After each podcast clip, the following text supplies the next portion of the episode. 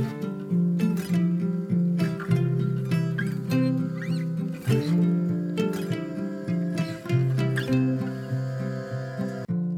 och välkommen till For Health med Anna Sparre!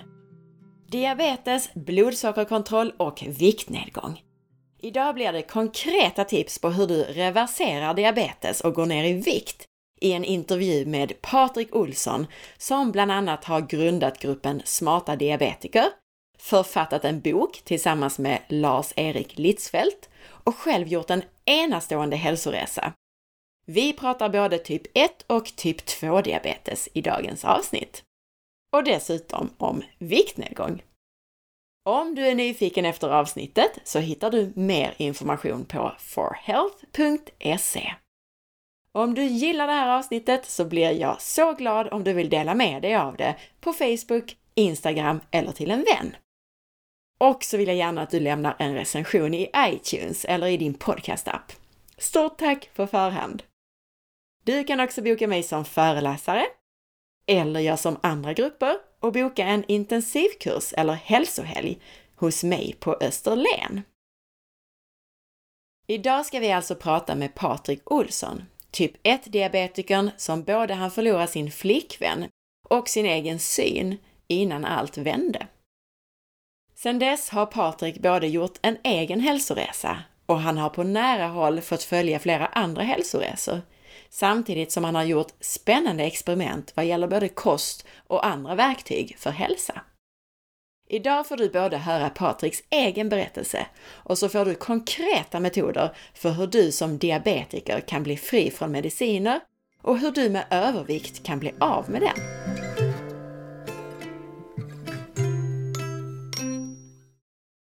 Hej Patrik och välkommen! Tack! Idag ska vi fokusera på saker som diabetes, blodsockerkontroll och viktnedgång. Men du har ju en väldigt stark personlig berättelse som jag gärna vill att du delar med dig av, så börja med att berätta om dig själv och din bakgrund. Ja, det gör jag så gärna. eh, hej då, jag heter då eh, Patrik Olsson och eh, 42 år. Eh, har haft diabetes sedan jag var fyra. Och ett minne jag har när jag är 8-10 år gammal är att mina föräldrar vaknar. Att det bankar i väggen. Att jag har fått en insulinkänning. Pappa och de försöker få tillbaka mig. Men när jag eh, ligger i hans famn och de väntar på ambulansen så går jag in och blir medvetslös. Och han tror han har förlorat mig. Det är ett av de starka minnen jag har fått återberättat hur det att ha ett blodsocker som går upp och ner. Och det är den bistra sanningen med diabetes typ 1 som jag har. Så det som hade hänt i den situationen var att du hade fått för mycket insulin i förhållande till blodsockret så att säga, så blodsockret ja. blev för lågt? Ja, precis. Jag, jag säger ju inte att varje gång man blir för låg så har man tagit en överdos. Mm. Och inte tvärtom. Att man har ätit för lite. Man har alltså tagit för mycket insulin. En överdos. Så ja, blodsockret har ju då gått upp och ner. Som det gör när man äter kolhydrater. Framförallt kolhydrater som höjer blodsockret. Och man får ta kompensera med insulin. Både högt och lågt och brett. Har gjort att jag har förlorat min syn. Så jag är blind i dagsläget.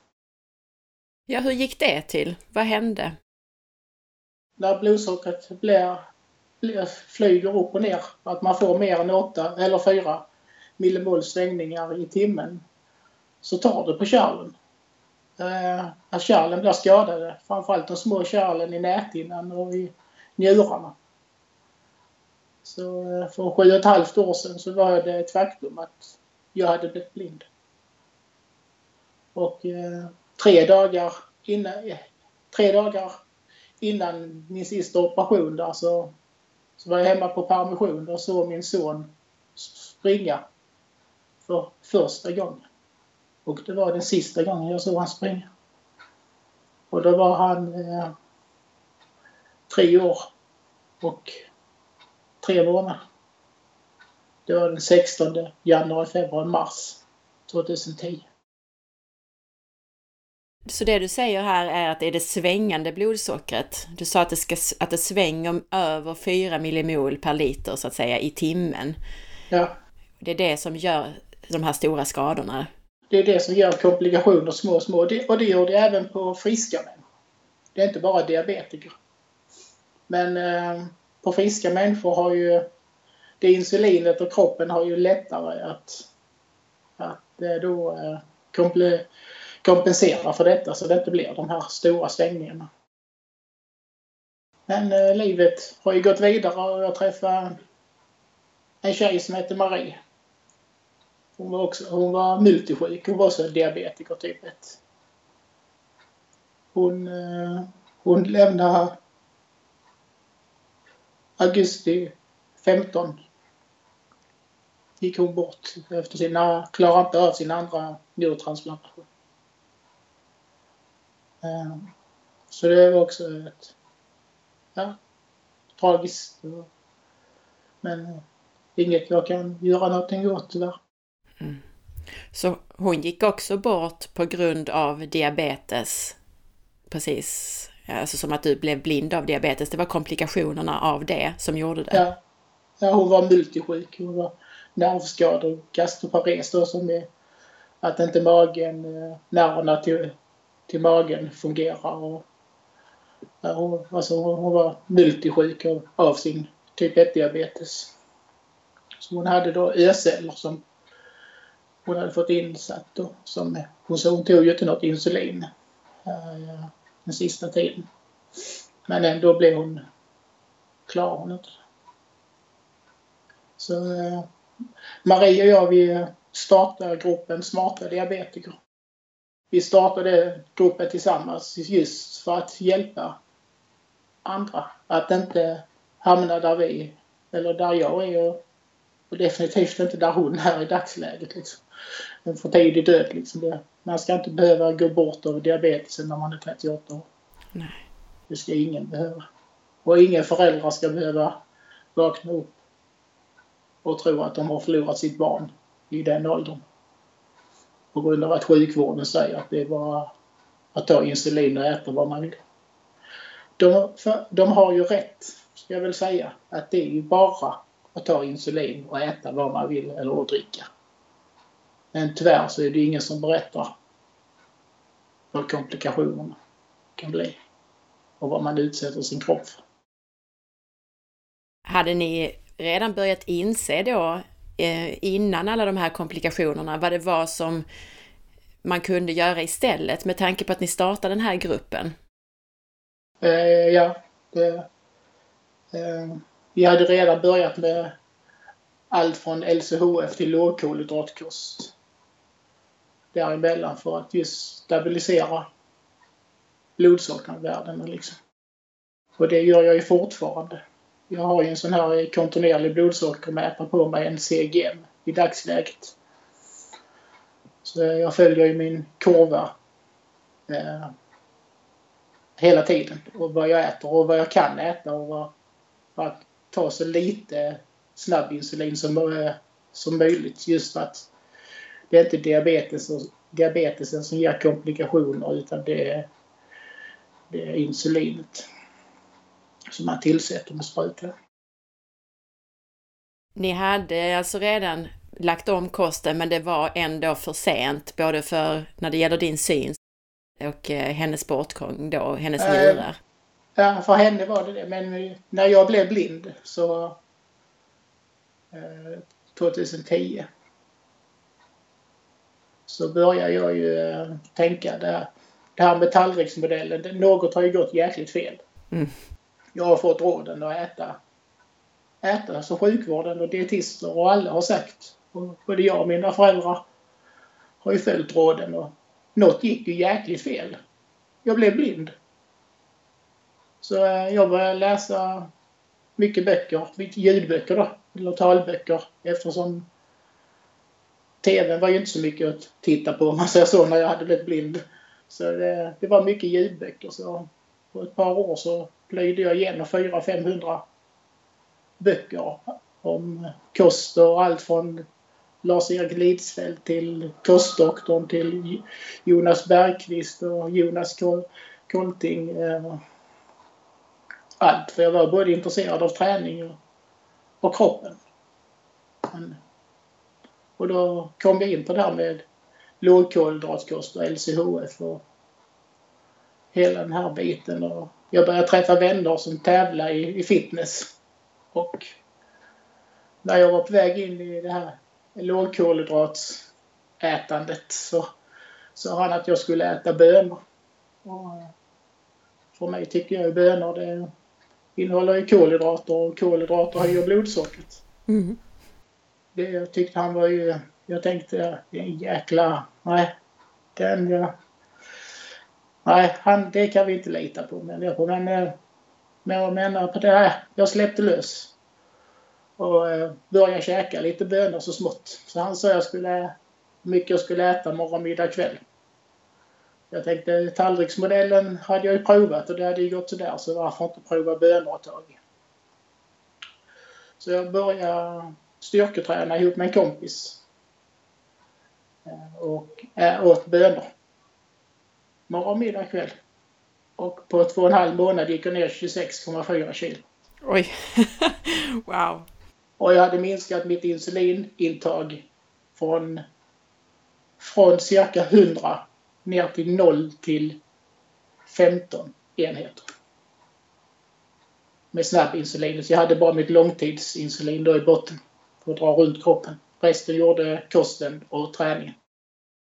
Men alltså de här kilorna kom de, du började med att lägga om till lågkolhydratkost, men de här mm. kilorna de kom inte förrän du la till bönorna, var det det? Ja, de rasade då, då bara så det pang. alltså verkligen, det bara... Ja. Det, det bara exploderar. Det, det är helt fenomenalt vad, vad resistent stärkelse då som där är bönor och linser och gröna bananer och ja, lite andra produkter. Men just det här och även potatis, mjöl kan man blanda ut i kallt vatten eller sprida på yoghurten nu om man tycker det. Men ja, tycker du bönor då får man så mycket mer i maten och man kan göra så mycket mer mat. Precis, det blir ju väldigt gott att kunna göra en hummus till istället för att eh, svepa potatismjöl. ja, alltså det, det, många säger det är som tapetklister, det här potatismjöl. Så det kanske jag kan hålla med för där finns ju så mycket bönpasta och det gäller bara att man tittar på bönpastan att det är 100% bönor liksom så att man inte har lurat i vete eller något annat. Så att det verkligen är 100% bönor i bönpastan. För annars, då, annars funkar det inte. Och sen gäller det då att man har en bra magflora. Magbakterierna är då jätteviktiga som jag vet du har tagit upp i, i flera program här. Så då, därför gör vi även vår jag gör min egen surkål här hemma eller kimchi. Som är, så det äter jag var eller varannan dag här, efter maten. Härligt! Roligt att höra! Så ditt framgångskoncept är den här kombinationen lågkolhydratkost, eller LCHF då, vad man nu vill kalla det för, mm. resistent stärkelse och träning. Ja, och, och surkål. Probiotika. Ja, just för att man ska hålla magbakterierna i, i... De ska man vara kompis med. Våra små vänner liksom. De, de har man ju från munhålan till den göttlingen. Så det är som på ett pärlband. Så det, de måste vi vara rädda om. Annars, nej, annars går det åt skogen fullständigt, tror jag i alla fall. Där är vi helt överens. Ja. Men berätta om dina värden nu. Alltså, vad har hänt om vi säger så här, om du jämför ditt blodsocker till exempel med, eh, alltså nu jämfört med vad det var förr i tiden?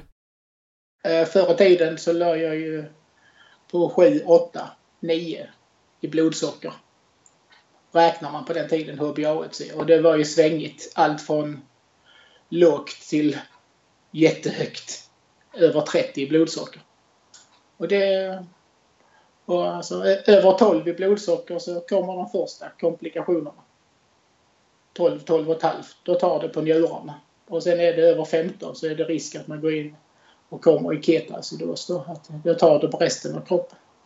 Redan vid 8 i blodsocker så, så börjar komplikationer i halsen till exempel. Och det kommer där mer och mer forskning och studier på detta. Att Eh, barn som har, är överviktiga då, har stängt blodsocker över 8. De har mycket, mycket större risk att eh, få, astma. Till exempel. Så det, och det märker jag när jag tränar. Kommer jag över 8 i blodsocker, 8-9 där. Eh, när blodsockret går upp när man tränar. För många. För att det pytsar ut energi till musklerna och det, det är socker. Och det höjer ju såklart blodsockret. Också.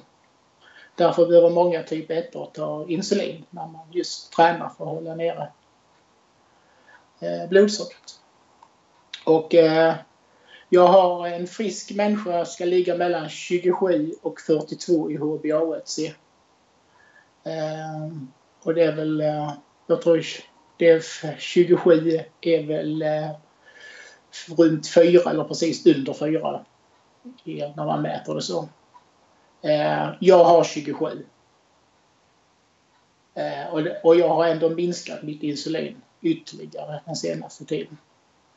Så eh, när jag var senast för 14 dagar sedan hos min diabetessköterska eh, och överlämnade en bok till henne så, eh, så sa hon, det första hon sa, herregud. Alltså vad är det?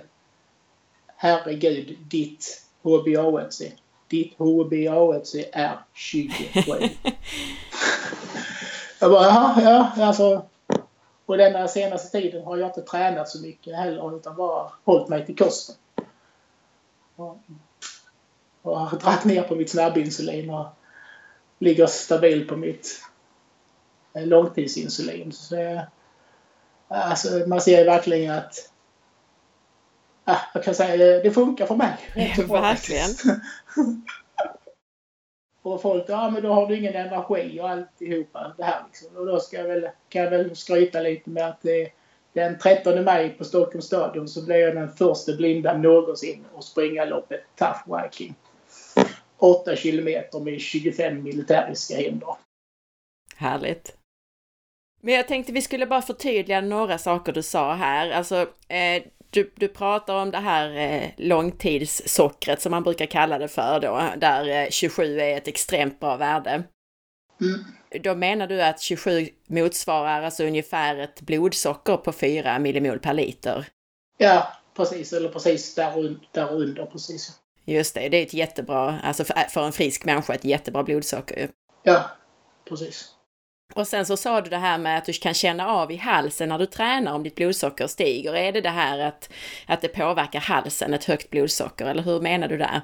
Ja, precis. Det blir något med syre, alltså något i halsen. Jag har flera i, då, i gruppen smarta diabetiker som också påstår det, alltså som märker av detta direkt. Eh, jag har en, eh, en kille som cyklar. Han, han, han är 14-15 år. Eh, han hade berättat för sin mamma då, för jag har hjälpt dem lite. Eh, då att... Eh, nej mamma, jag håller på att bli förkyld. Nej, du är inte förkyld. Jo. Nej, sa hon. Ta ett blodsocker. Och då hade jag berättat just detta. Att vid åtta så kommer de... Känner, känner man av det i halsen när man är lite... Tänker efter. Och då hade han ett blodsocker på 7,9. Ganska mm. exakt då ja. Ja, alltså det är lite felmarginal men det är rätt så intressant det här alltså. Och det här har jag ju aldrig fått veta av sjukvården. Man försöker lära sig så mycket och experimentera på sig själv. Och sen, sen kanske det inte är så på alla eller en på hundra men, eller en på tusen men det stämmer ju på ett par stycken helt uppenbart. En annan sak som vi också ska förklara för lyssnarna tror jag är det här med att man tar ju ett snabbinsulin, det som också kallas för måltidsinsulin. Och sen så tar du väl, är det en gång per dygn du tar det här långtidsverkande insulinet, eller hur? Uh, det, jag har delat upp mitt på två gånger. Eh, just jag tycker det blir en bättre effekt. Och det är många som gör det och det är många som tar det här långtids en gång om dagen bara. Det, det är lite olika hur det funkar. För vi, vi är inte stöpta i samma form som jag säger. Bara för att förtydliga det här du har beskrivit nu, alltså vad är det som händer i kroppen när man har diabetes och inte lyckas kontrollera blodsockret? Alltså vad är det som gör att man kan bli blind eller slå ut njurarna? Eh, det är att eh, de här svängningarna då, det, och höga, det här, när man inte har stabilt blodsocker, det ger sig på kärlväggarna. Alltså. Eh, I kärlen helt enkelt. Och det är de små kärlen det går på först. Och I mitt fall var det, eller är det, näthinnan. Och i Maries fall var det njurarna. Som eh, då blir slås på. Och ett, ett blodsocker över 12, vid 12, 12,5 och däröver så, och uppåt ska vi säga. Eh, så får njurarna stryk helt enkelt. Är det det här som kallas för sockring som du pratar om, alltså när man har högt blodsocker och, och, det bildas, man kan säga klibbiga stora saker som kan täppa till blodkärlen. Är det detta du menar eller menar du mer de här svängningarna? Och... Det är både och. Det är både svängningarna och det här eh, man säger att sockret sätter sig på insidan i kärlen. Liksom. Mm, mm. Oxidation, är det det som vi får av det svängiga blodsockret? Ja, det kan man ju säga. En slags inre stress? Ja, det är bara tragiskt att man inte får reda på detta. Sen längre tid tillbaka så hade jag kanske sluppit. Eller bara varit grovt synskadad eller... Ja, det är faktiskt 100 stycken, 2% av diabetikerna som blir blinda vart år. Och det tycker jag är för jäkligt. Och det, ska och det behövs inte bli så här. Behöva vara eller bli så. Och det, och det är det jag kämpar för, för att sprida kunskapen om det för att fler ska slippa lida. Eller gå igenom det jag och Maria och våra föräldrar har gått igenom och vänner och bekanta. Det är jättefint att ni gör det, jätteviktigt och eh, behövligt. Och det, jag håller med dig, det är ju konstigt att inte detta sker också från, ska man säga statligt, offentligt håll. Ja, för eh, det är närmare, jag vet diabeteskostnaden för Sverige och Sveriges BNP är 2 Nästan 2% kostar diabetesvården samhället. Och försvaret är 1,1 BNP. Där ser man hur mycket, nu snackar vi stora pengar. Precis. Och har jag då minskat mitt insulin så mycket som jag har gjort så kan man då lätt räkna på om alla skulle göra det. Alltså i mitt fall som har blivit blind så det kostar jag ju samhället pengar. Och jag är tyvärr sjukpensionär alltså här liksom. Så jag, jag skulle gärna hellre velat jobba. Och dra mitt strå till stacken liksom. Så jag försöker göra det bästa av det hela. Ja, du drar nog mer än väldigt strå till stacken just nu tror jag, genom att sprida all den här kunskapen, verkligen. Mm, tack. Men efter Maries bortgång där så uh, livet måste gå vidare. Jag säger ju att jag är rätt man till att bli blind. Så det, det är inget jag kan påverka. Uh, nej, så jag sadlade om så jag blev DJ. Från det ena till det tredje. Jag blev Sveriges blindaste discjockey. jag har spelat i nästan alla klubbar i Halmstad där jag bor i dagsläget och i Älmhult på södra Sveriges största ungdomsställe som DJ. Helt blind. det är bra jobbat alltså. jag menar, ingenting är omöjligt. Vissa saker tar bara lite längre tid. Det är även mitt motto. Första gången vi hade kontakt via mail så visste jag inte ens om att du var blind och, eh, och jag fattade ju inte alls sen efter det alltså hur du hade kunnat skicka mail till mig. Men det har du ju lyckats förklara senare. ja, Nej, det, det, finns där på Youtube om man söker på smarta diabetiker och blindstyre. En, en video jag har gjort på 12-13 minuter tror jag den är där jag visar hur Facebook fungerar för mig. Då vet jag vad jag ska titta på sen. Spännande! Ja, nej, den är faktiskt eh, jättebra. Även min ledarhund Vanda är med på ett hörn där. Vi pratar ju både typ 1 och typ 2 diabetes i den här intervjun. Så jag tänker här bara för tydlighetens skull, kan du berätta mm. om skillnaden mellan de här två sjukdomarna? Ja, eh, en typ 1 då, typ 1 diabetiker har ingen insulinproduktion eller väldigt, väldigt liten. En typ 2 har överproduktion Eh, och därav oftast att man är överviktig. För insulinet är ett fettlagrande hormon. Det är väl, och eh, typ 1 måste tillsätta insulin utifrån. Det är väl eh, enkelt. Och sen finns det något som heter LADA. Eh, då har man en lite mer insulinproduktion men man kan behöva tillsätta lite insulin utifrån. Då. Mm. Just det, LADA är en sån här blandform va? Ja, precis. Och eh, en typ 1 diabetes, är det en autoimmun sjukdom? Ja. Och det är därför man då, i alla fall förr pratade om barndiabetes och, och åldersdiabetes. Ja, precis. Ja, typ 1 är så som man får som barn då generellt ja. och typ 2 Men det, det går ju upp, upp i åldrarna det. Så det var någon igår i gruppen på, som var 38 år tror jag, som hade fått diabetes typ 1.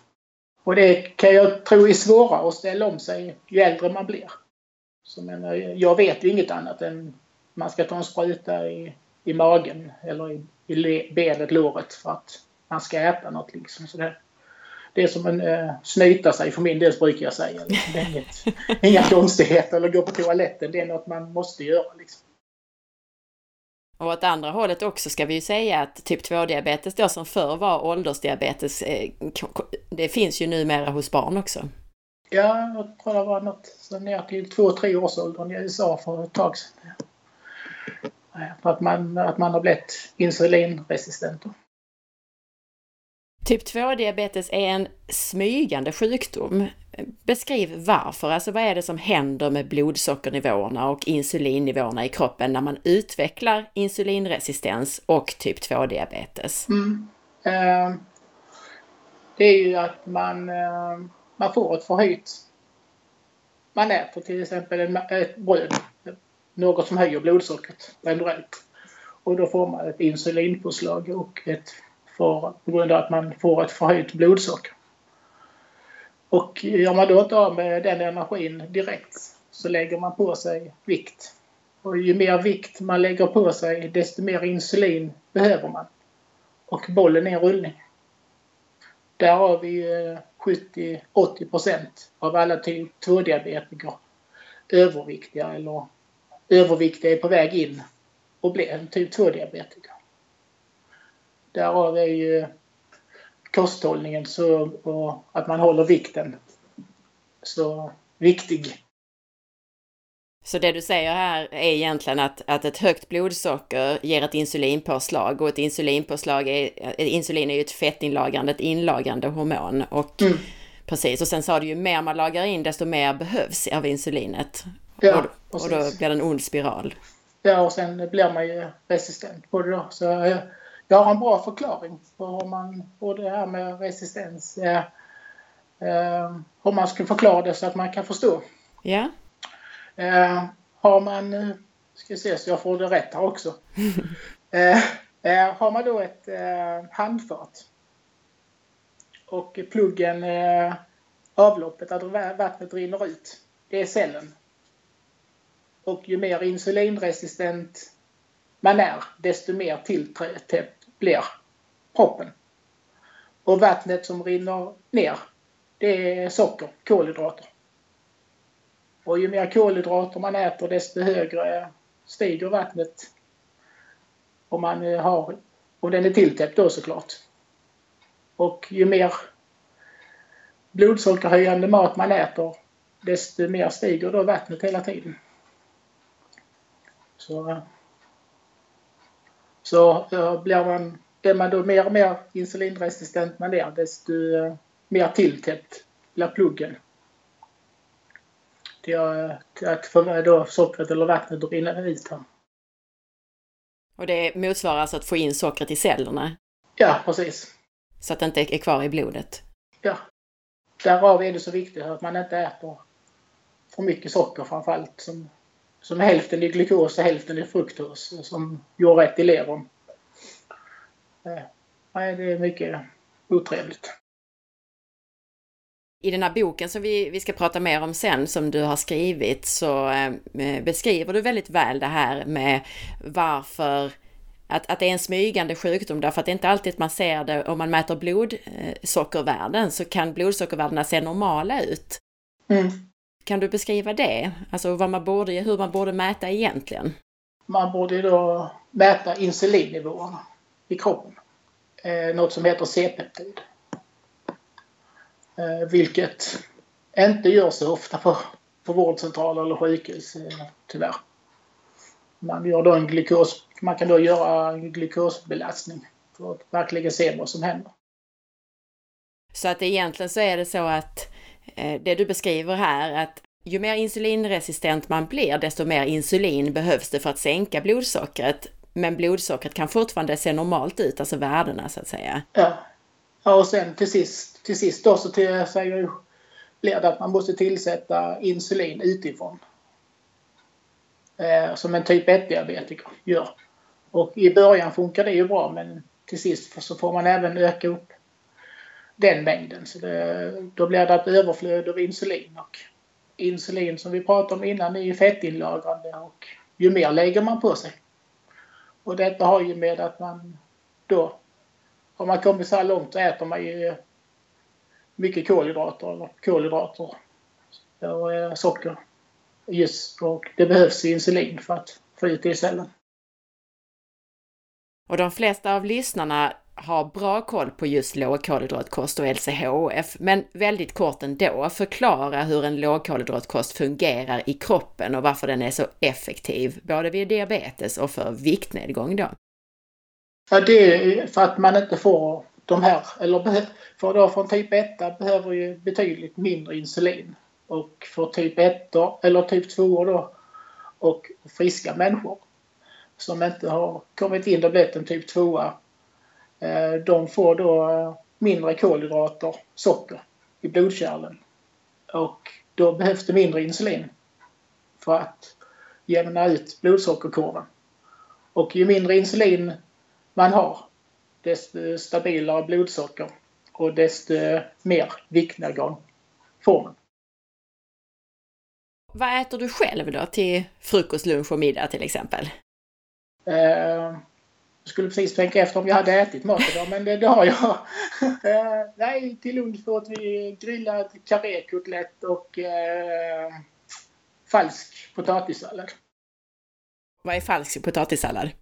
Det är purjolök, gul lök och röd lök, majonnäs, crème fraîche och eh, bönor. Mm. Mm. Det är ett recept som jag har med i boken. Som vi själva har kombinerat, här jag och min bättre hälft Mia. Är det det enda du har ätit idag eller har du hunnit äta något mer? Nej, det enda vi har ätit. Jag har druckit eh, kaffe också.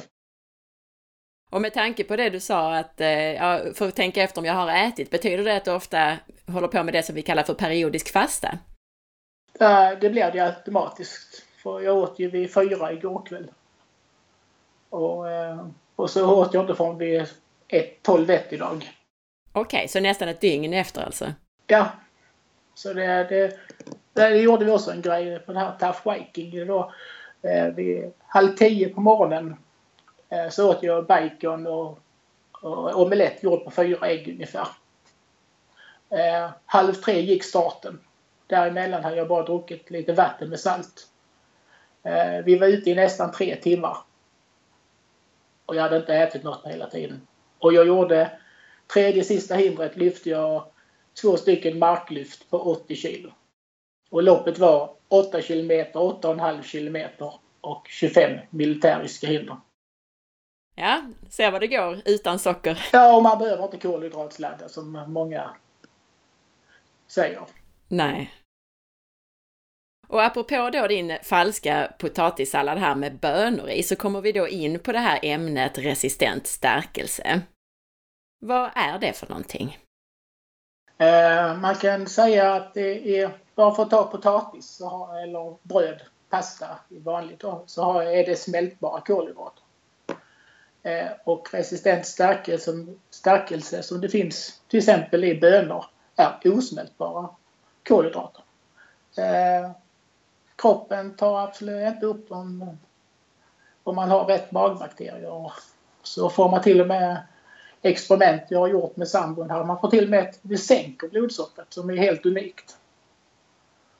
Så eh, vi har gjort tester på henne då, Mia, min sambo. Så, eh, så sjunker hon 03.04 i blodsocker varje gång hon äter bönor. Och det är bara bönor det händer på. Så att resistent stärkelse, så det du säger här är att vanlig stärkelse, sån här som man tar upp och som blir blodsocker, det finns i, i bröd och potatis som du sa. Ja. Och sen så finns det då något som heter resistent stärkelse som är sån som man inte tar upp och blir, som blir blodsocker utan som går vidare till tjocktarmen, till bakterierna och funkar ja. som fibrer alltså. Ja precis, man kan säga att det är fibrer som, som kroppen eller tarmen behöver. Jag, nu har det exploderat fullständigt i, överallt där jag är med på Facebook. Eh, jag vet inte hur många runt omkring som har fått bättre mage och läckande tarm. Alltså, stabil, sta, stabila blodsocker, lägre blodsocker, reumatism har försvunnit. Eh, de har tillsatt, eh, de äter vanlig mat och tillsätter bönor bara och går ner i vikt. Alltså, men det ska ju påpekas om att vill man göra en riktig viktresa som min sambo Mia har gjort här så är det ju lågkolhydratkost och bra magbakterier och bönor som gäller. Liksom. Det, då händer det grejer. Hon har då eh, tappat över halva sin kroppsvikt. Hon har gått från 120 till 57 kilo på ett och ett halvt år. Och berätta om det, för hon började med lågkolhydratkost och vad hände då? Eh, för ett halvår gick hon då ner eh, på LCHF, strikt LCHF och träning, eh, styrketräning gick hon ju då ner eh, 20 kilo. Eh, och då sen träffades vi. Och jag sa, nej men du ska ju prova bönor, bönpasta. Nej, det skulle hon ju inte. För det var ju kolhydrater. Men nej, jag var inte så. Så jag beställde 10 paket bönpasta hem till henne i lägenheten i Eskilstuna där hon bodde. Så ja, ja jag tvingade, hon fick jäkla prova detta. eh, och hon fick följa med och träna med mig på ett gym där uppe och lyfta tunga vikter. Som eh, machokillar ska göra ju som sagt. Och ingen, som jag säger inom situationstecken, tjejträning då. Man, eh, det är ett dumt eh, ord och jag ber så mycket om ursäkt för det. Men många tjejer lyfter alldeles för lätt. Ja. Alltså, och bara för att man lyfter tungt så blir eh, man blir inte en Belgian Blue liksom. Och det gäller både killar och tjejer liksom. Men i alla fall... Eh, nej, hon började rasa fullständigt i vikt.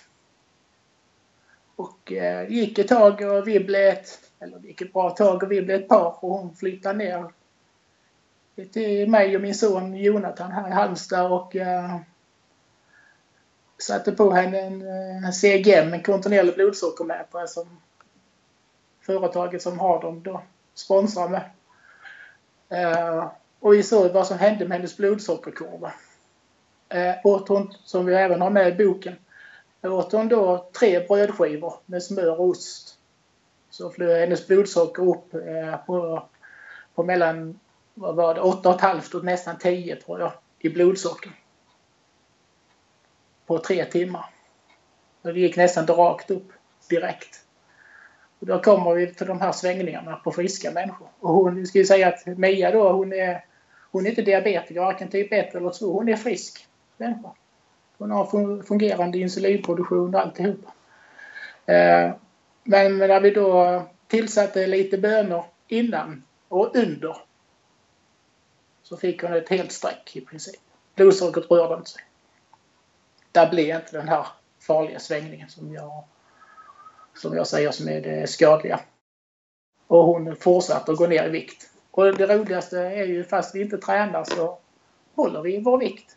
Vi går liksom inte upp i vikt och nej, vi är i bra form och idag kom hon och var jätteglad för hon hade eh, hon sa hon var jättesmal när hon stod studenten. Och idag hade hon ett linne från den tiden mm. på sig. Så eh, det är helt otroligt vad man bara tillsätter lite bönor så här.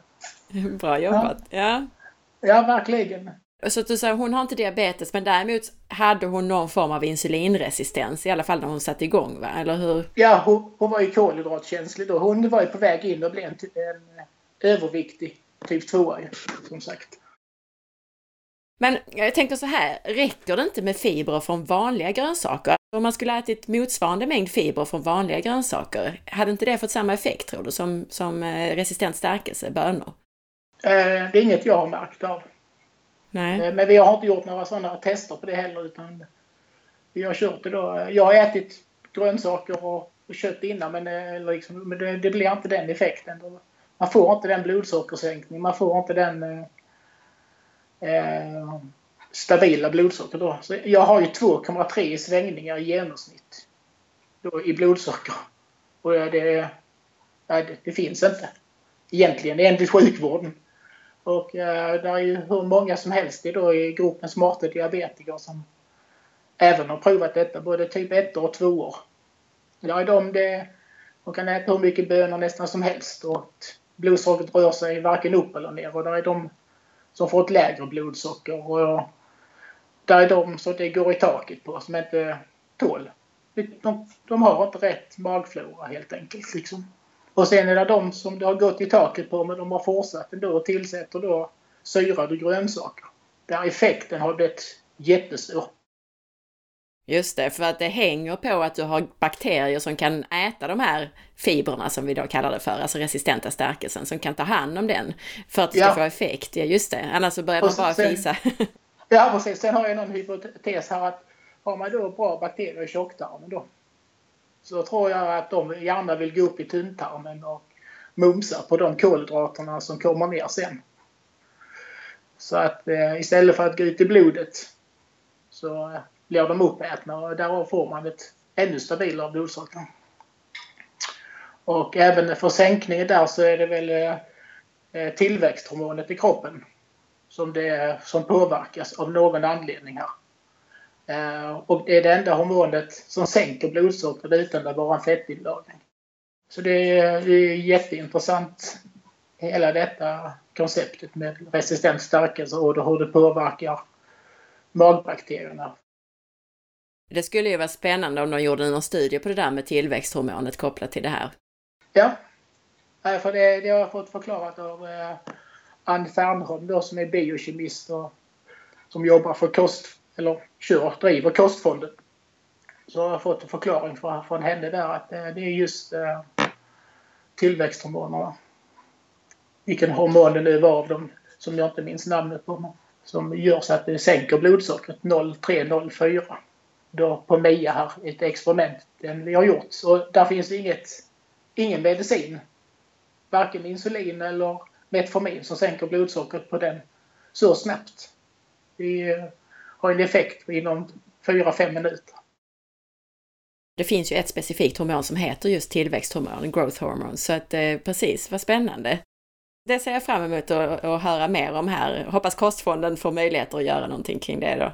Ja, man vet ju aldrig. De i den studien eh, för typ 1-diabetiker som jag och Fredrik då försöker samla uppmärksamma för Tough Waking här. Det, där, eh, där har de nu börjat fundera på om de med ska tillsätta bönor i kosten i, det, i den, den studien. Så det, ja, kul man kan vara med och bidra.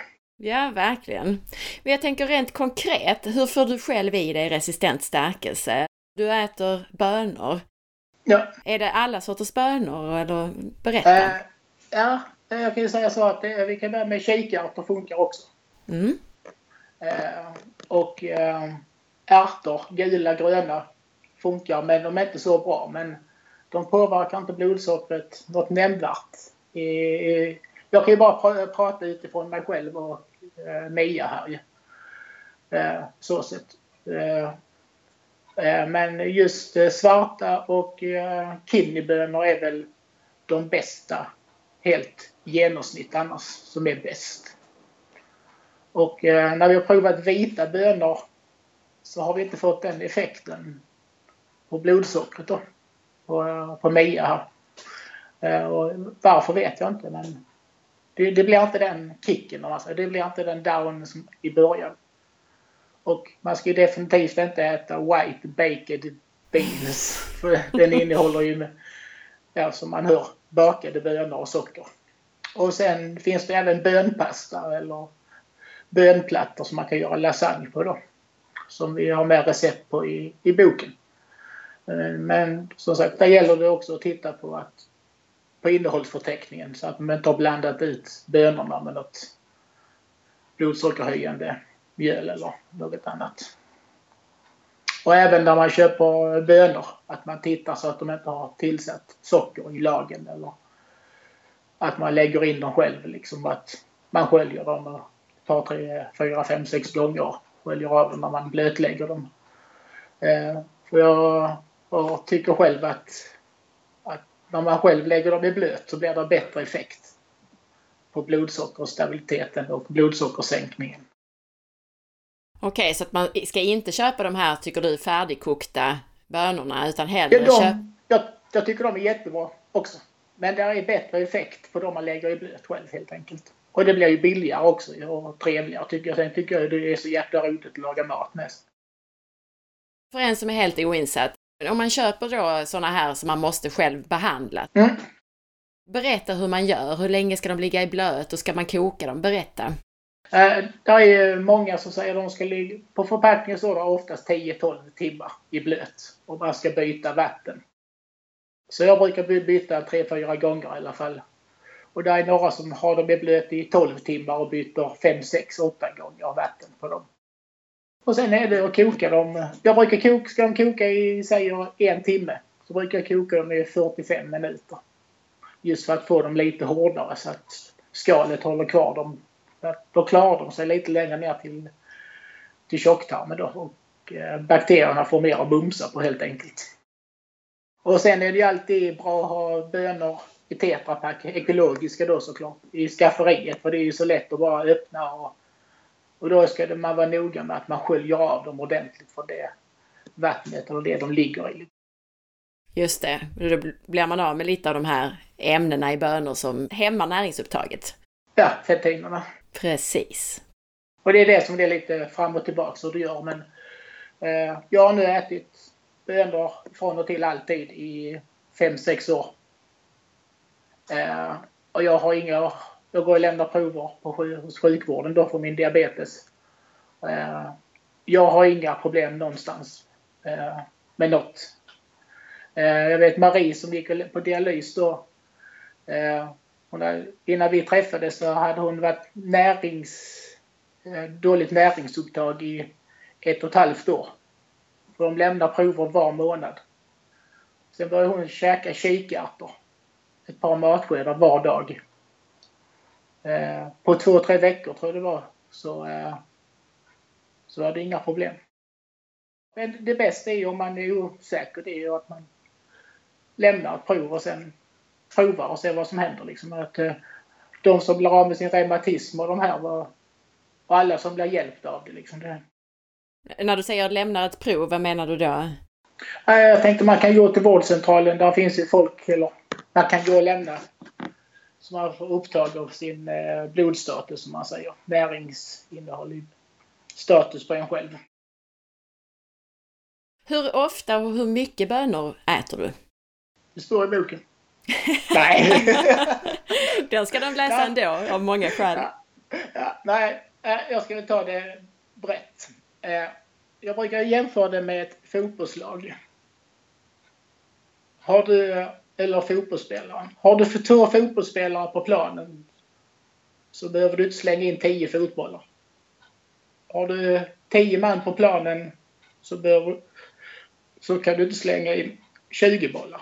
Så man, man börjar lite smått med en matsked och sen ökar man. För att se eh, hur mycket man tål helt enkelt. Och vad man behöver. Så det behövs inte så jäkla mycket liksom. Och är man då typ 1 eller typ 2 diabetiker så mäter man innan och man mäter efter intag så ser man då hur blodsockret påverkas eller inte påverkas. Och du själv nu då? Hur mycket äter du nu som har hållit på ett bra tag? Uh, jag äter minst två deciliter bönor om dagen. Utspritt. Tre också kan så här. Och så äter jag ju syrade grönsaker efter måltiden. Just det, och du betonar att det är efter måltiden. Förklara det. Nej, det är för man sänker pH-värdet i magsäcken så att uh, de bakterierna som är den syrade grönsakerna de får mer chans att överleva och ta sig ner hela vägen. Helt enkelt. För att vi är så sura i magsäcken så att eh, mm. så om vi äter det på tom mage så, så får de en värre syraattack de där bakterierna. Ja. Du berättade ju här lite om era experiment.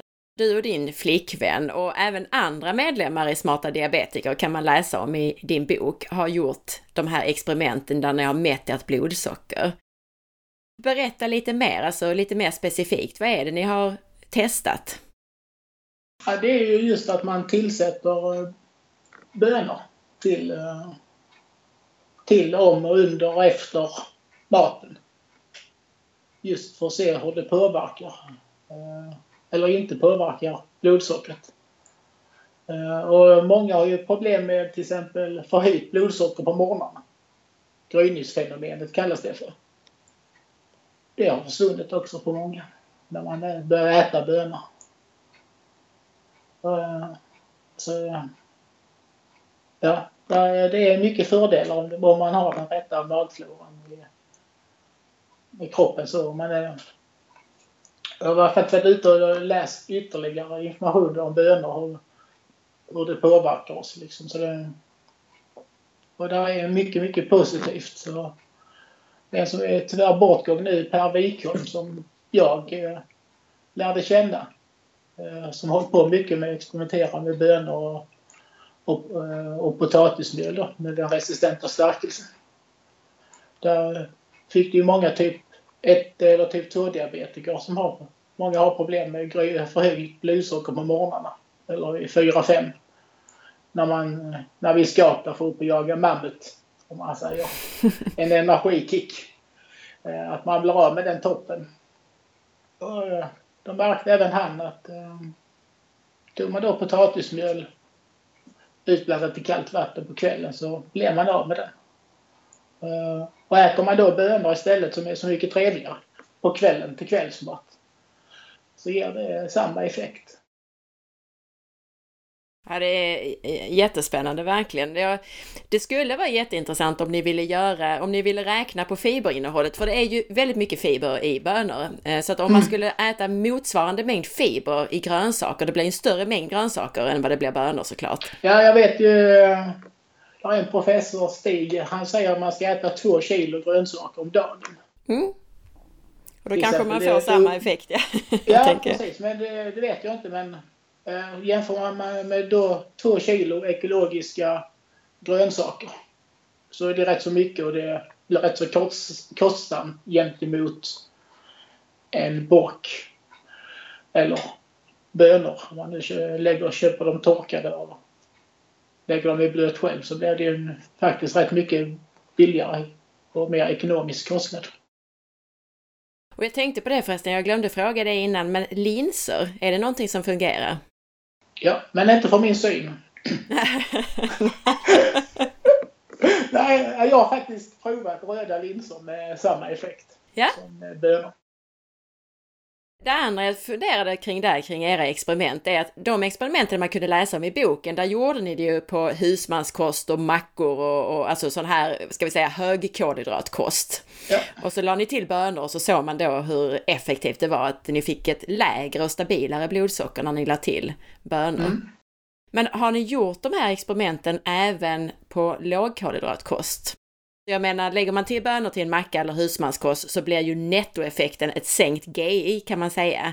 Ja, Eftersom precis. bönor innehåller ju mindre kolhydrater än mackan då, eller mm. husmanskosten i sig. Men vad händer då om man lägger bönorna till en bit kött med vitlökssmör och sallad till exempel? Eh, då, då, då blir det, eh, det blir samma sak. Eh, rakt streck på blodsockermätaren. Men det har ju då också att göra med magbakterierna, om man säger så de är ju som, som vi pratade innan, de är ju något fruktansvärt viktiga. Magbakterierna och det blir bara mer och mer om hur viktiga de är. Och tillsätter man då fiber, eh, som i detta fallet bönor, så frodas de ju. Och ju gladare magbakterierna är desto gladare blir vi. Jag vet eh, David Perlmutter, han säger ju också att ja, magen och bakterierna är vår andra hjärna. Och det kom en studie för ett par veckor sedan att hjärnan och magbakterierna eh, de pratar med varandra i dubbelriktning. Så det är, har man då börjat komma på detta med att få bakterier att frodas så är det bara ja, det är en häftig grej och det är så positivt. Och, och mycket. Och det räcker att ta en antibiotikakur till exempel så slår man ut magbakterierna fullständigt. Och då är det jätteviktigt att man äter syrade eller grönsaker till exempel som jag gillar. För då vet man vad man får i sig och man vet att det, det smakar rätt och man vet att man får bakterier i sig. Liksom. Istället för att köpa kapslar på någonstans som man inte har en aning om om de är bra eller dåliga eller ja, om de funkar. Precis. Och för att förtydliga det du säger här nu så vi har ju pratat i tidigare avsnitt om probiotika, alltså själva bakterierna som man då både har i tarmen och man kan äta surkål och liknande som innehåller bakterier, precis som du säger. Mm. Och sen så pratar vi prebiotika, alltså maten för bakterierna som till exempel då resistent stärkelse i bönor är. Ja. Jag stekte, eller ja, ja, det var min bättre hälft hos sambo Mia. Hon stekte grön banan för ett par veckor sedan. Det, och utan insulin gick det upp 2,5 i höjning utan insulin till det och sen gick det ner igen. Så det, ja, det var en grej vi provade liksom. Ja, ja men ni får precis, det, ska bli spännande att följa era experiment här tycker jag. För att det låter som att ni har ännu fler att utföra här med, med grönsaker och allt möjligt. Ja, det går att göra hur brett som helst det här liksom. Så det, det, ja, det är roligt. Så nu försöker vi sprida denna kunskap och dela med oss. Och det är ett hårt tryck. Vi har två grupper.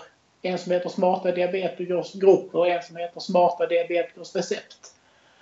Eh, och där är bra tryck med folk in i båda grupperna. Så det är, ja, det är härligt att det, folk kommer till och vill och ta del av vår kunskap och att vi har många bra moderatorer och administratörer som hjälper människor som vill ha hjälp. Och det, vi ska inte ersätta några läkare på, eller sjukvården på något sätt. Vi bara hjälper folk som är trötta på sjukvården och vill ha hjälp för att må så mycket bättre. Är det här Facebookgrupper, de här grupperna? Ja, precis. Och sen har vi, eller jag ska inte säga, vi har smartadiabetiker.se med där vi har mycket bra information och mycket bra artiklar om just lågkolhydratkost och ja, keton och ketoacidos och skillnaden däremellan och ja, om sötningsmedel, vad vi tror och tycker. Alltså det är, ja, är jättemycket läs, läsvärt och matnyttigt som man säger så. Och vem är det som ska gå med där? Vem är detta för?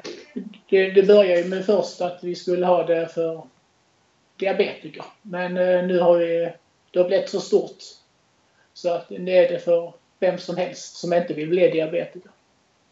Och eh, äter man potatis och eh, eller bröd och dricker röd cola och godis och allt vad det kan vara som höjer blodsockret så är i princip alla, i, eller många, de flesta, i, eh, i riskzon för att bli typ 2-diabetiker. De är, många är prediabetiker utan man vet om det i, i många år innan. Då, då ligger man med höga blodsockervärden och det, det är inte bra alltså för kärlen.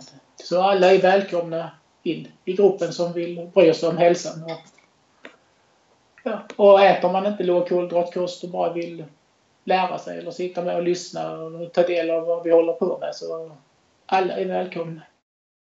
Ja, kommer det in någon och äter detta för att det funkar så bra så ja, vad trevligt och vill vara, ha mer information så att kanske fler kan ta del av det istället. Liksom. Och det här med att dela upp insulinet är ju också något som man kommit mycket mer om med långtidsinsulinet. Att man inte ska ta mer än 8-10 enheter per injektion till exempel. Det är något som inte sjukvården delar ut just för att man får den bästa och kroppen ska hinna ta upp det.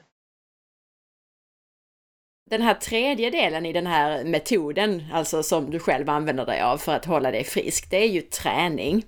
Mm. Och du har nämnt lite grann det här med att lyfta tungt. Berätta varför träning är effektivt för en diabetiker. Det är för att eh, man ska dra så mycket kraft som möjligt och, tömma äh, depåerna. Vad betyder det? Ja, tömmer du de här sockerdepåerna som jag säger att det är, så att så förstår alla. Eh, då tål man mer kolhydrater sen och man får ett, helt enkelt ett stabilare blodsocker.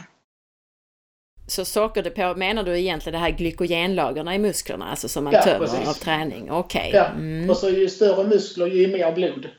Och ju mer blod ju större volym och ju mer volym ju mer socker tål man. Om man säger kolhydrater. Just det, för, för sockret sprids ut kan man säga. Eh, det späds ut i det här blodet. Ja, det som har, har en liter vatten eller tio liter vatten och hälla i en sockerbit i en liter vatten eller i tio liters hinken. Så det, det är rätt bra jämförelse också. Liksom. Det är det det handlar om. Så att, och sen och, som kille så är det ju aldrig fel att ha lite muskler. Det brukar ju uppskattas. ja, det, kan, det, måste jag slå ett slag för också, att eh, tjejer och kvinnor det behövs också för att förebygga allt möjligt. Allt från benskörhet till värk, så att det ska man definitivt ja, ha som tjej min, också. Ja, min sambo här, hon har ett medfött eh, balansfel och eh, med nerv, nerver. Så där jag, hon började träna med mig och att hon började hitta rätt muskelgrupp. Att just träna, ska man träna biceps eller rygg eh, Eh, eller vad man nu ska träna så är det viktigt att man just tränar den muskeln och hittar rätt mellan hjärna och nerver. Eller mus hjärnan och muskeln via nerverna. Eh, och i dagsläget har hon inget problem överhuvudtaget med detta och det hade hon för ett och ett halvt, ett efter halvt år sedan. Så det har förändrats med träningen så det är jätte, jätteviktigt. Framförallt alla de som jobbar i vården och alla andra också. Att man verkligen tränar upp och stärker upp ryggen och bålen. Det är jätte, jätteviktigt. Så att man inte säckar ihop. Som diabetiker då, Många får tips av sin diabetessköterska att man ska ta en promenad för att sänka blodsockret. Men vilken sorts träning tycker du att man ska ägna sig åt som diabetiker? Jag är ju kille så jag säger styrketräning. Nej men även eh, alltså all träning. Den bästa träningen det är den som blir av. Ja. Helt enkelt. Vardagsmotionen tycker jag är så jäkla viktig. Prio ett. När man är klar med den och har tid över till annat så om det sitter på en spinningcykel eller ut och jogga eller gå med hunden. All träning är bra. För, eh, vår viktigaste muskel är hjärtat. Och det, har ju, och det enda vi kan gången vi kan träna hjärtat det är när vi får för hög puls. Och det kan vi ju få av styrketräning då, så tränar vi både upp de här musklerna, skelettmusklerna som du själv då beskrev är så viktiga för blodsockerkontrollen. Och tränar man tillräckligt intensivt så ska jag säga att då tränar man hjärtat också. ja, men det gör jag ju. Så jag gör ju oftast sit-up eller armhävningar emellan övningen jag kör just för att hålla igång pulsen och kroppen. Så jag är ju... Jag, säger, jag går inte till gymmet för att prata eller dricka kaffe. Nej. jag är där för att träna. Så, alltså det ska gå i ett. Så, och då snackar vi om allt från halvtimme till en timme.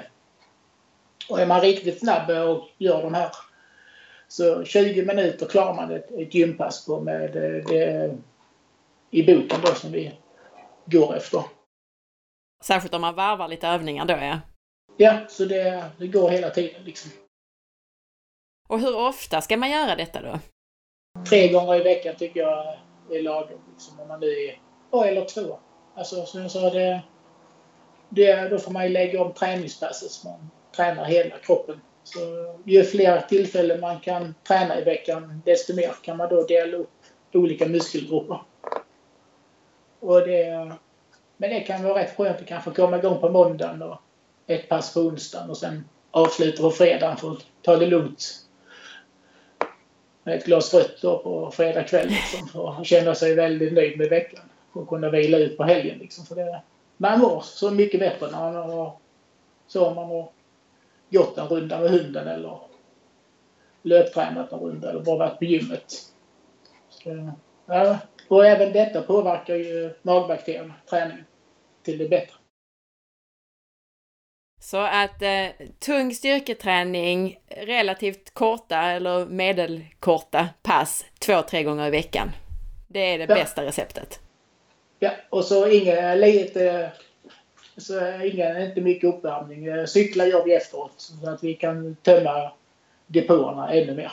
Så vi har energi till själva styrkepasset. Då. Så att det är för att kunna lyfta tungt som man inte, alltså det finns ingen annan anledning till att man inte ska springa och cykla innan passet?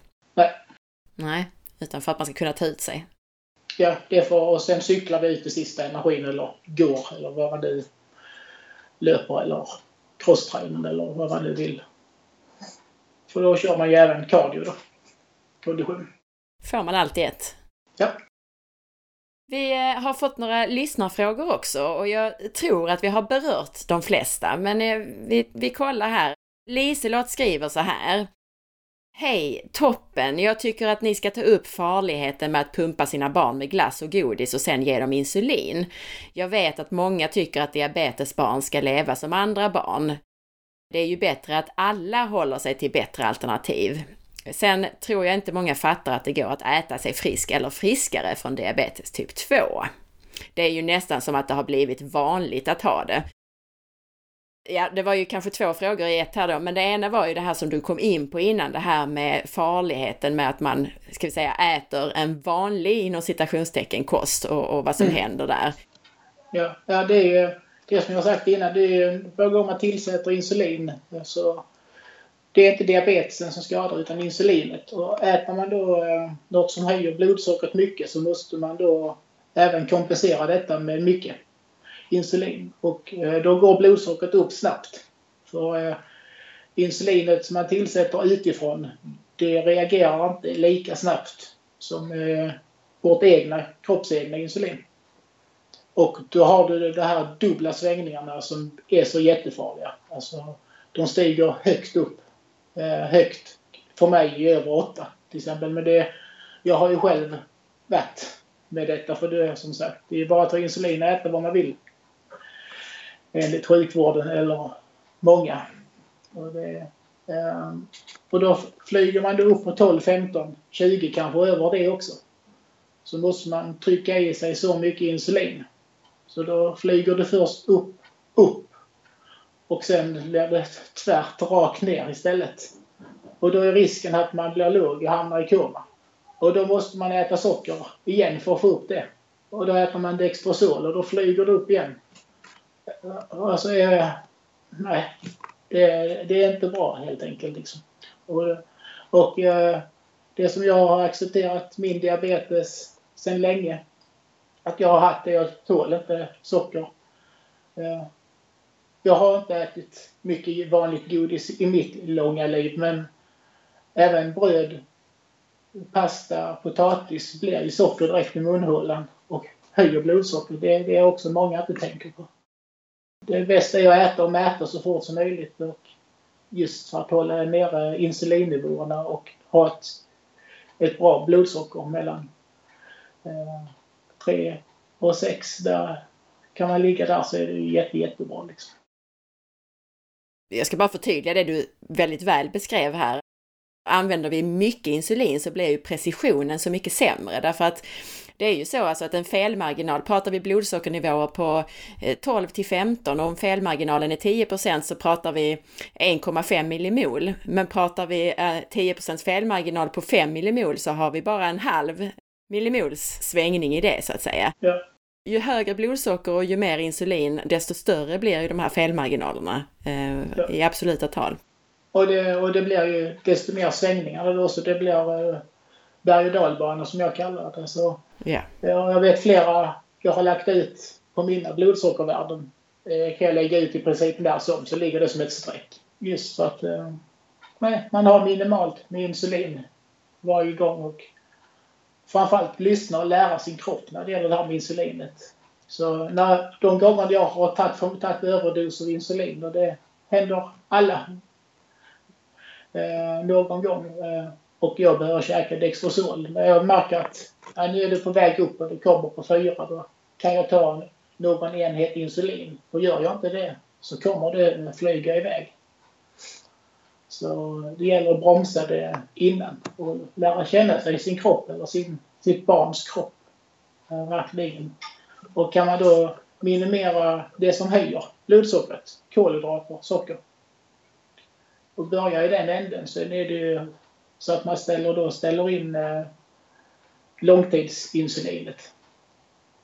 Så det som behövs för att dra runt själva kroppen som maskin. Och sen utgår från det så har man mycket vunnit, vill jag då påstå. Och de här svängningarna som du beskriver, dels kan de ju vara livsfarliga, precis som du beskrev i din egen berättelse då, alltså att om man, om man blir låg och man tar en överdos då, mm. så kan det ju i värsta fall leda till döden. Ja. Sen har vi också bara den här skadliga effekten av svängningarna på blodkärlen som du också har beskrivit. Ja. Av de här svängningarna. Så att eh, ju mindre insulin, ju mindre svängningar och ju hälsosammare kropp kan vi väl konstatera.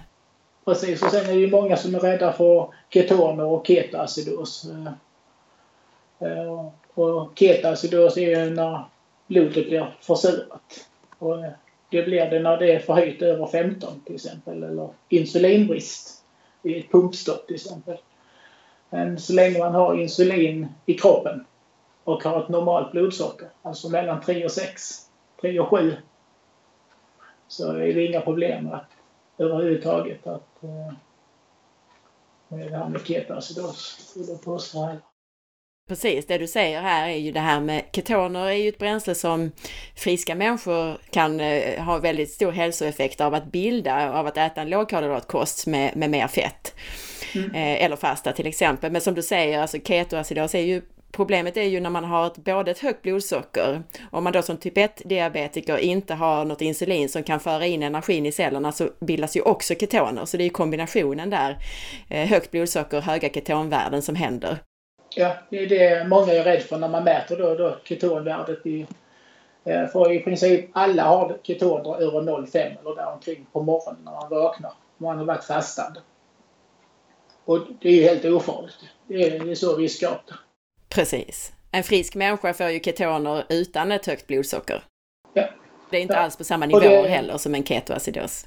Nej, jag vet ju de som är friska människor som är lever i keto, de ligger på allt från 2, 3, 4 i, i ketoner. Och de är ju inte sjuka över surt blod, det är för att det är bränslet. När jag ligger på 3-4 i blodsocker så ligger jag ju oftast över 1 i ketoner. Alltid. Liksom. Och jag vet, min bättre hälft ligger ju på över två i ketoner. Liksom. Så, det, så man ska ju skilja på det. Att insulinbrist och, eller, och förhöjt blodsocker med ketoner kan vara skadligt. Men har man bara insulin och ett normalt blodsocker då mellan 3 och 7 så är det ingen fara. Sen hade vi en annan fråga från en, en tjej som heter Johanna. Och det är inte säkert vi kan svara på frågan, men hon undrar hur stark kopplingen är mellan typ 1-diabetes och läckande tarm, orsakad av till exempel gluten, celiaki eller andra autoimmuna sjukdomar. Och sen fortsätter hon att fråga, är det möjligt att insulinproduktionen kan komma igång om man befriar kroppen från det som ger den autoimmuna reaktionen på de Langerhanska öarna? Mm. Det kan de ju. Och det, eh, man kan ju bli, man kan få igång, där finns, eh, alltså, nu kommer jag inte ihåg det exakt, jag tror det var eh, att det påvisas ju mer och mer att det är, det är vissa procent av typ 1-diabetikerna som fortfarande har insulinproduktion kvar. En liten, liten del. Eh, och kan man då hålla nere på kolhydraterna och sockret som, och, och hålla ett jämnt blodsocker med kosten så behöver man inte ta det insulinet heller. Och då får man mycket, mycket stabilare blodsocker. Och en lättskött, mer lättskött diabetes. Vet man om man kan reversera att kroppen som i en autoimmun sjukdom då angriper sin egen vävnad, alltså de Langerhanska öarna. Kan man reversera det angreppet och få då bukspottkörteln och de här Langerhanska öarna att producera insulin igen fast de har slutat en gång? Det vet jag inte. Det är inget jag kan våga svara på. Nej, men, eh, jag tänkte det nästan mycket... det, att det, var, det vet vi nog inte än. nej, men jag skulle inte förvåna mig heller om det skulle vara så. För kroppen är ju fenomenal på att läka sig. Jag, jag vet, eh, det är ett par stycken i, i gruppen då som har haft synförändringar på näthinnan. som har försvunnit. Mm, vad roligt. Ja, alltså så varför skulle, varför inte? Nej, vi, vi, vi säger pass på den och håller tummarna att det är så. ja, precis. så gör vi. Ska vi se, vi hade Malin, hon undrade om bästa kosten för att inte utveckla insulinresistens, men det tycker jag vi har pratat om här. Eh, lågkolhydratkost med mycket fibrer och resistent stärkelse får vi väl konkludera. Ja, framförallt hålla nere på det som höjer blodsockret och det är ju smältbara kolhydrater och socker. Precis. Och stress till och med. Alltså där finns mycket faktorer runt omkring med som, som man kan gå upp i vikt på och bygga typ 2-diabetes. Precis, ja men det är sant. Det finns andra faktorer också, ja sömnbrist, stress och så vidare som kan påverka ja. insulinresistensen. Stress på kroppen i allmänt. Liksom, ja. Helt rätt. Vi hade en lyssnare här som undrade just om det här med de olika blandformerna av eh, diabetes. Ja. Du beskrev ju detta lite kort innan. Har du lust att gå in lite i detaljerna kring det, vad det innebär och vem som får det? Ja, typ 1 eh, så sa vi innan, det kallar man ju för för sockersjukan och eh, för man tål inte socker. Men idag heter det diabetes typ 1 eh, och det kan man få allt från nyfödd till, ja, till man är gammal, äldre. Eh, och det betyder att bukspottkörteln inte producerar insulin eller inte tillräckligt med insulin. Så att man måste tillsätta insulin utifrån för att sänka blodsockernivåerna helt enkelt. Eh, typ 2-diabetes då är det att man då, eh, det blir för mycket insulin i kroppen istället. Att ens bukspottkörtel går på högvarv konstant hela tiden och, och eh, när man drar ner på kolhydrater och det som höjer blodsockret så sjunker även insulinnivåerna och även vikten. Och, eh, och det ska också sägas att ungefär 20 procent av alla typ 2 år är inte överviktiga. Utan eh, de, där sitter då fettet eh, i organen istället. Typ runt lever, fettlever och så här. Så, eh, det, det är lika farligt det. Så eh, nu, nu för tiden så säger, är det ju inte alkoholisterna som har fettlever utan det är kosten som påverkar det också jättemycket. Framförallt fruktosen då. Som eh, blir en, i princip en fettinlagring i levern om man inte gör av med energin. Och vem får då en blandning av det här? Alltså vad innebär det? De här lite mer ovanliga formerna? Eh, det är de där bukspottkörteln eh, jobbar halvtid. med insulintillverkning kan man säga. Ja. och det kallas LADA. LAD. Vem får lördag eh, då? Är det, det är också något. Varför är bollen rund? Eller varför blir bara vi eh, vissa blinda? Alltså det är ingen väl riktigt som vet det heller. Inte vad, inte vad jag har satt mig in i. Vi har ett par stycken i gruppen som har lada som, eh, som är mycket bättre på detta än vad jag är. För det, för det är inte så många som har lada men de tar bara lite insulin. Oftast är det långtids insulin som behövs bara för att hålla nere och igång mm. kroppen för att hålla ett normalt blodsocker. Man kan säga att bukspottkörteln då den går bara på halvfart eller vissa procent.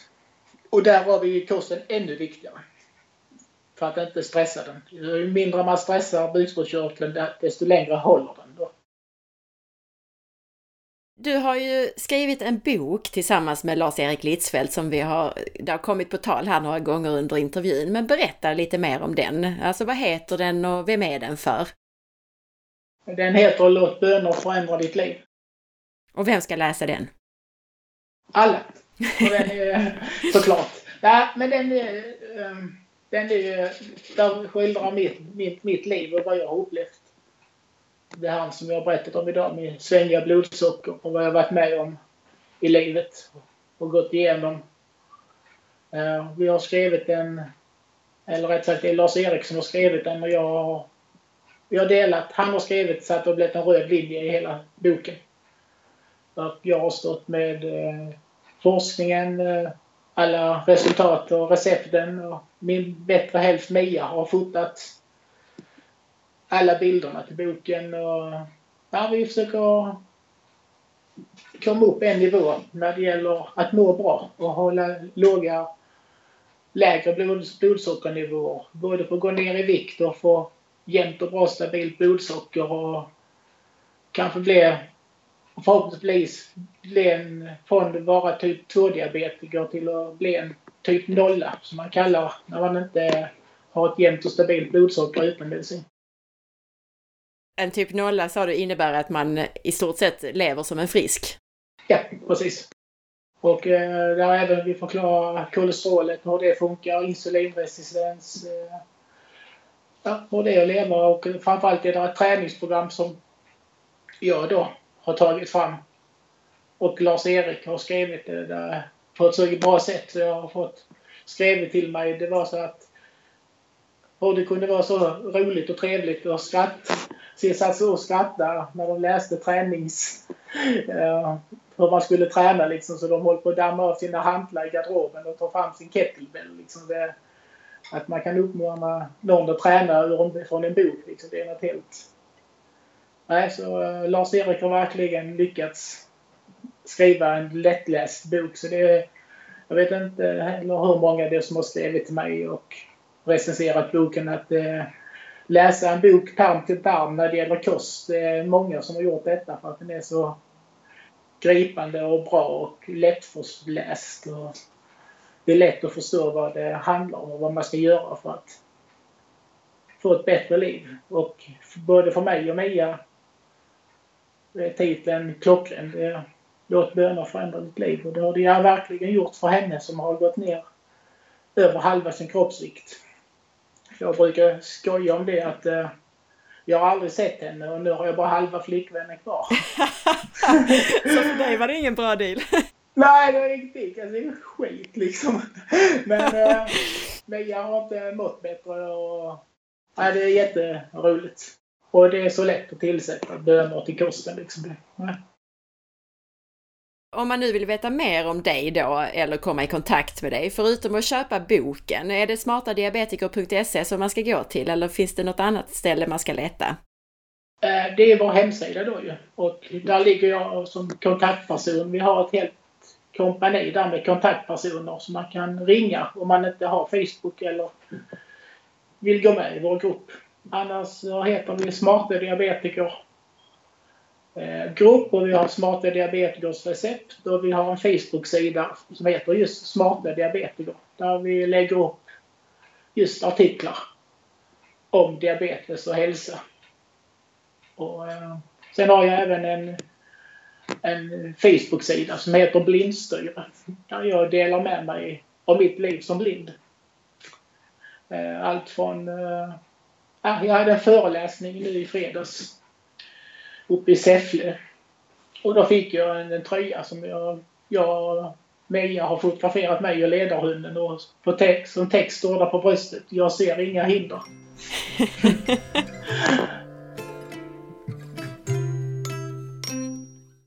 Tack för att du lyssnade idag! Om du vill ha fler sådana här intervjuer, gå in i iTunes eller i din app på mobilen och lämna din recension. Och glöm inte att tipsa andra om podden. Dela avsnittet med en länk på Facebook, i din Facebookgrupp till exempel. Veckans recension i iTunes är från Josefin Aldell som skriver Vilken stjärna! Vilken tur vi lyssnare har som helt gratis får ta del av denna guldgruva till information. Ständigt intressanta ämnen och intervjupersoner. Sakligt och pedagogiskt. Skön känsla att köra ett paleopass på gymmet med veckans podd och Anna Sparre i hörlurarna. Tack från Josefin Aldell. Tusen tack Josefin! Vi hörs om en vecka. Ha en riktigt bra dag och ta hand om dig. Hej då!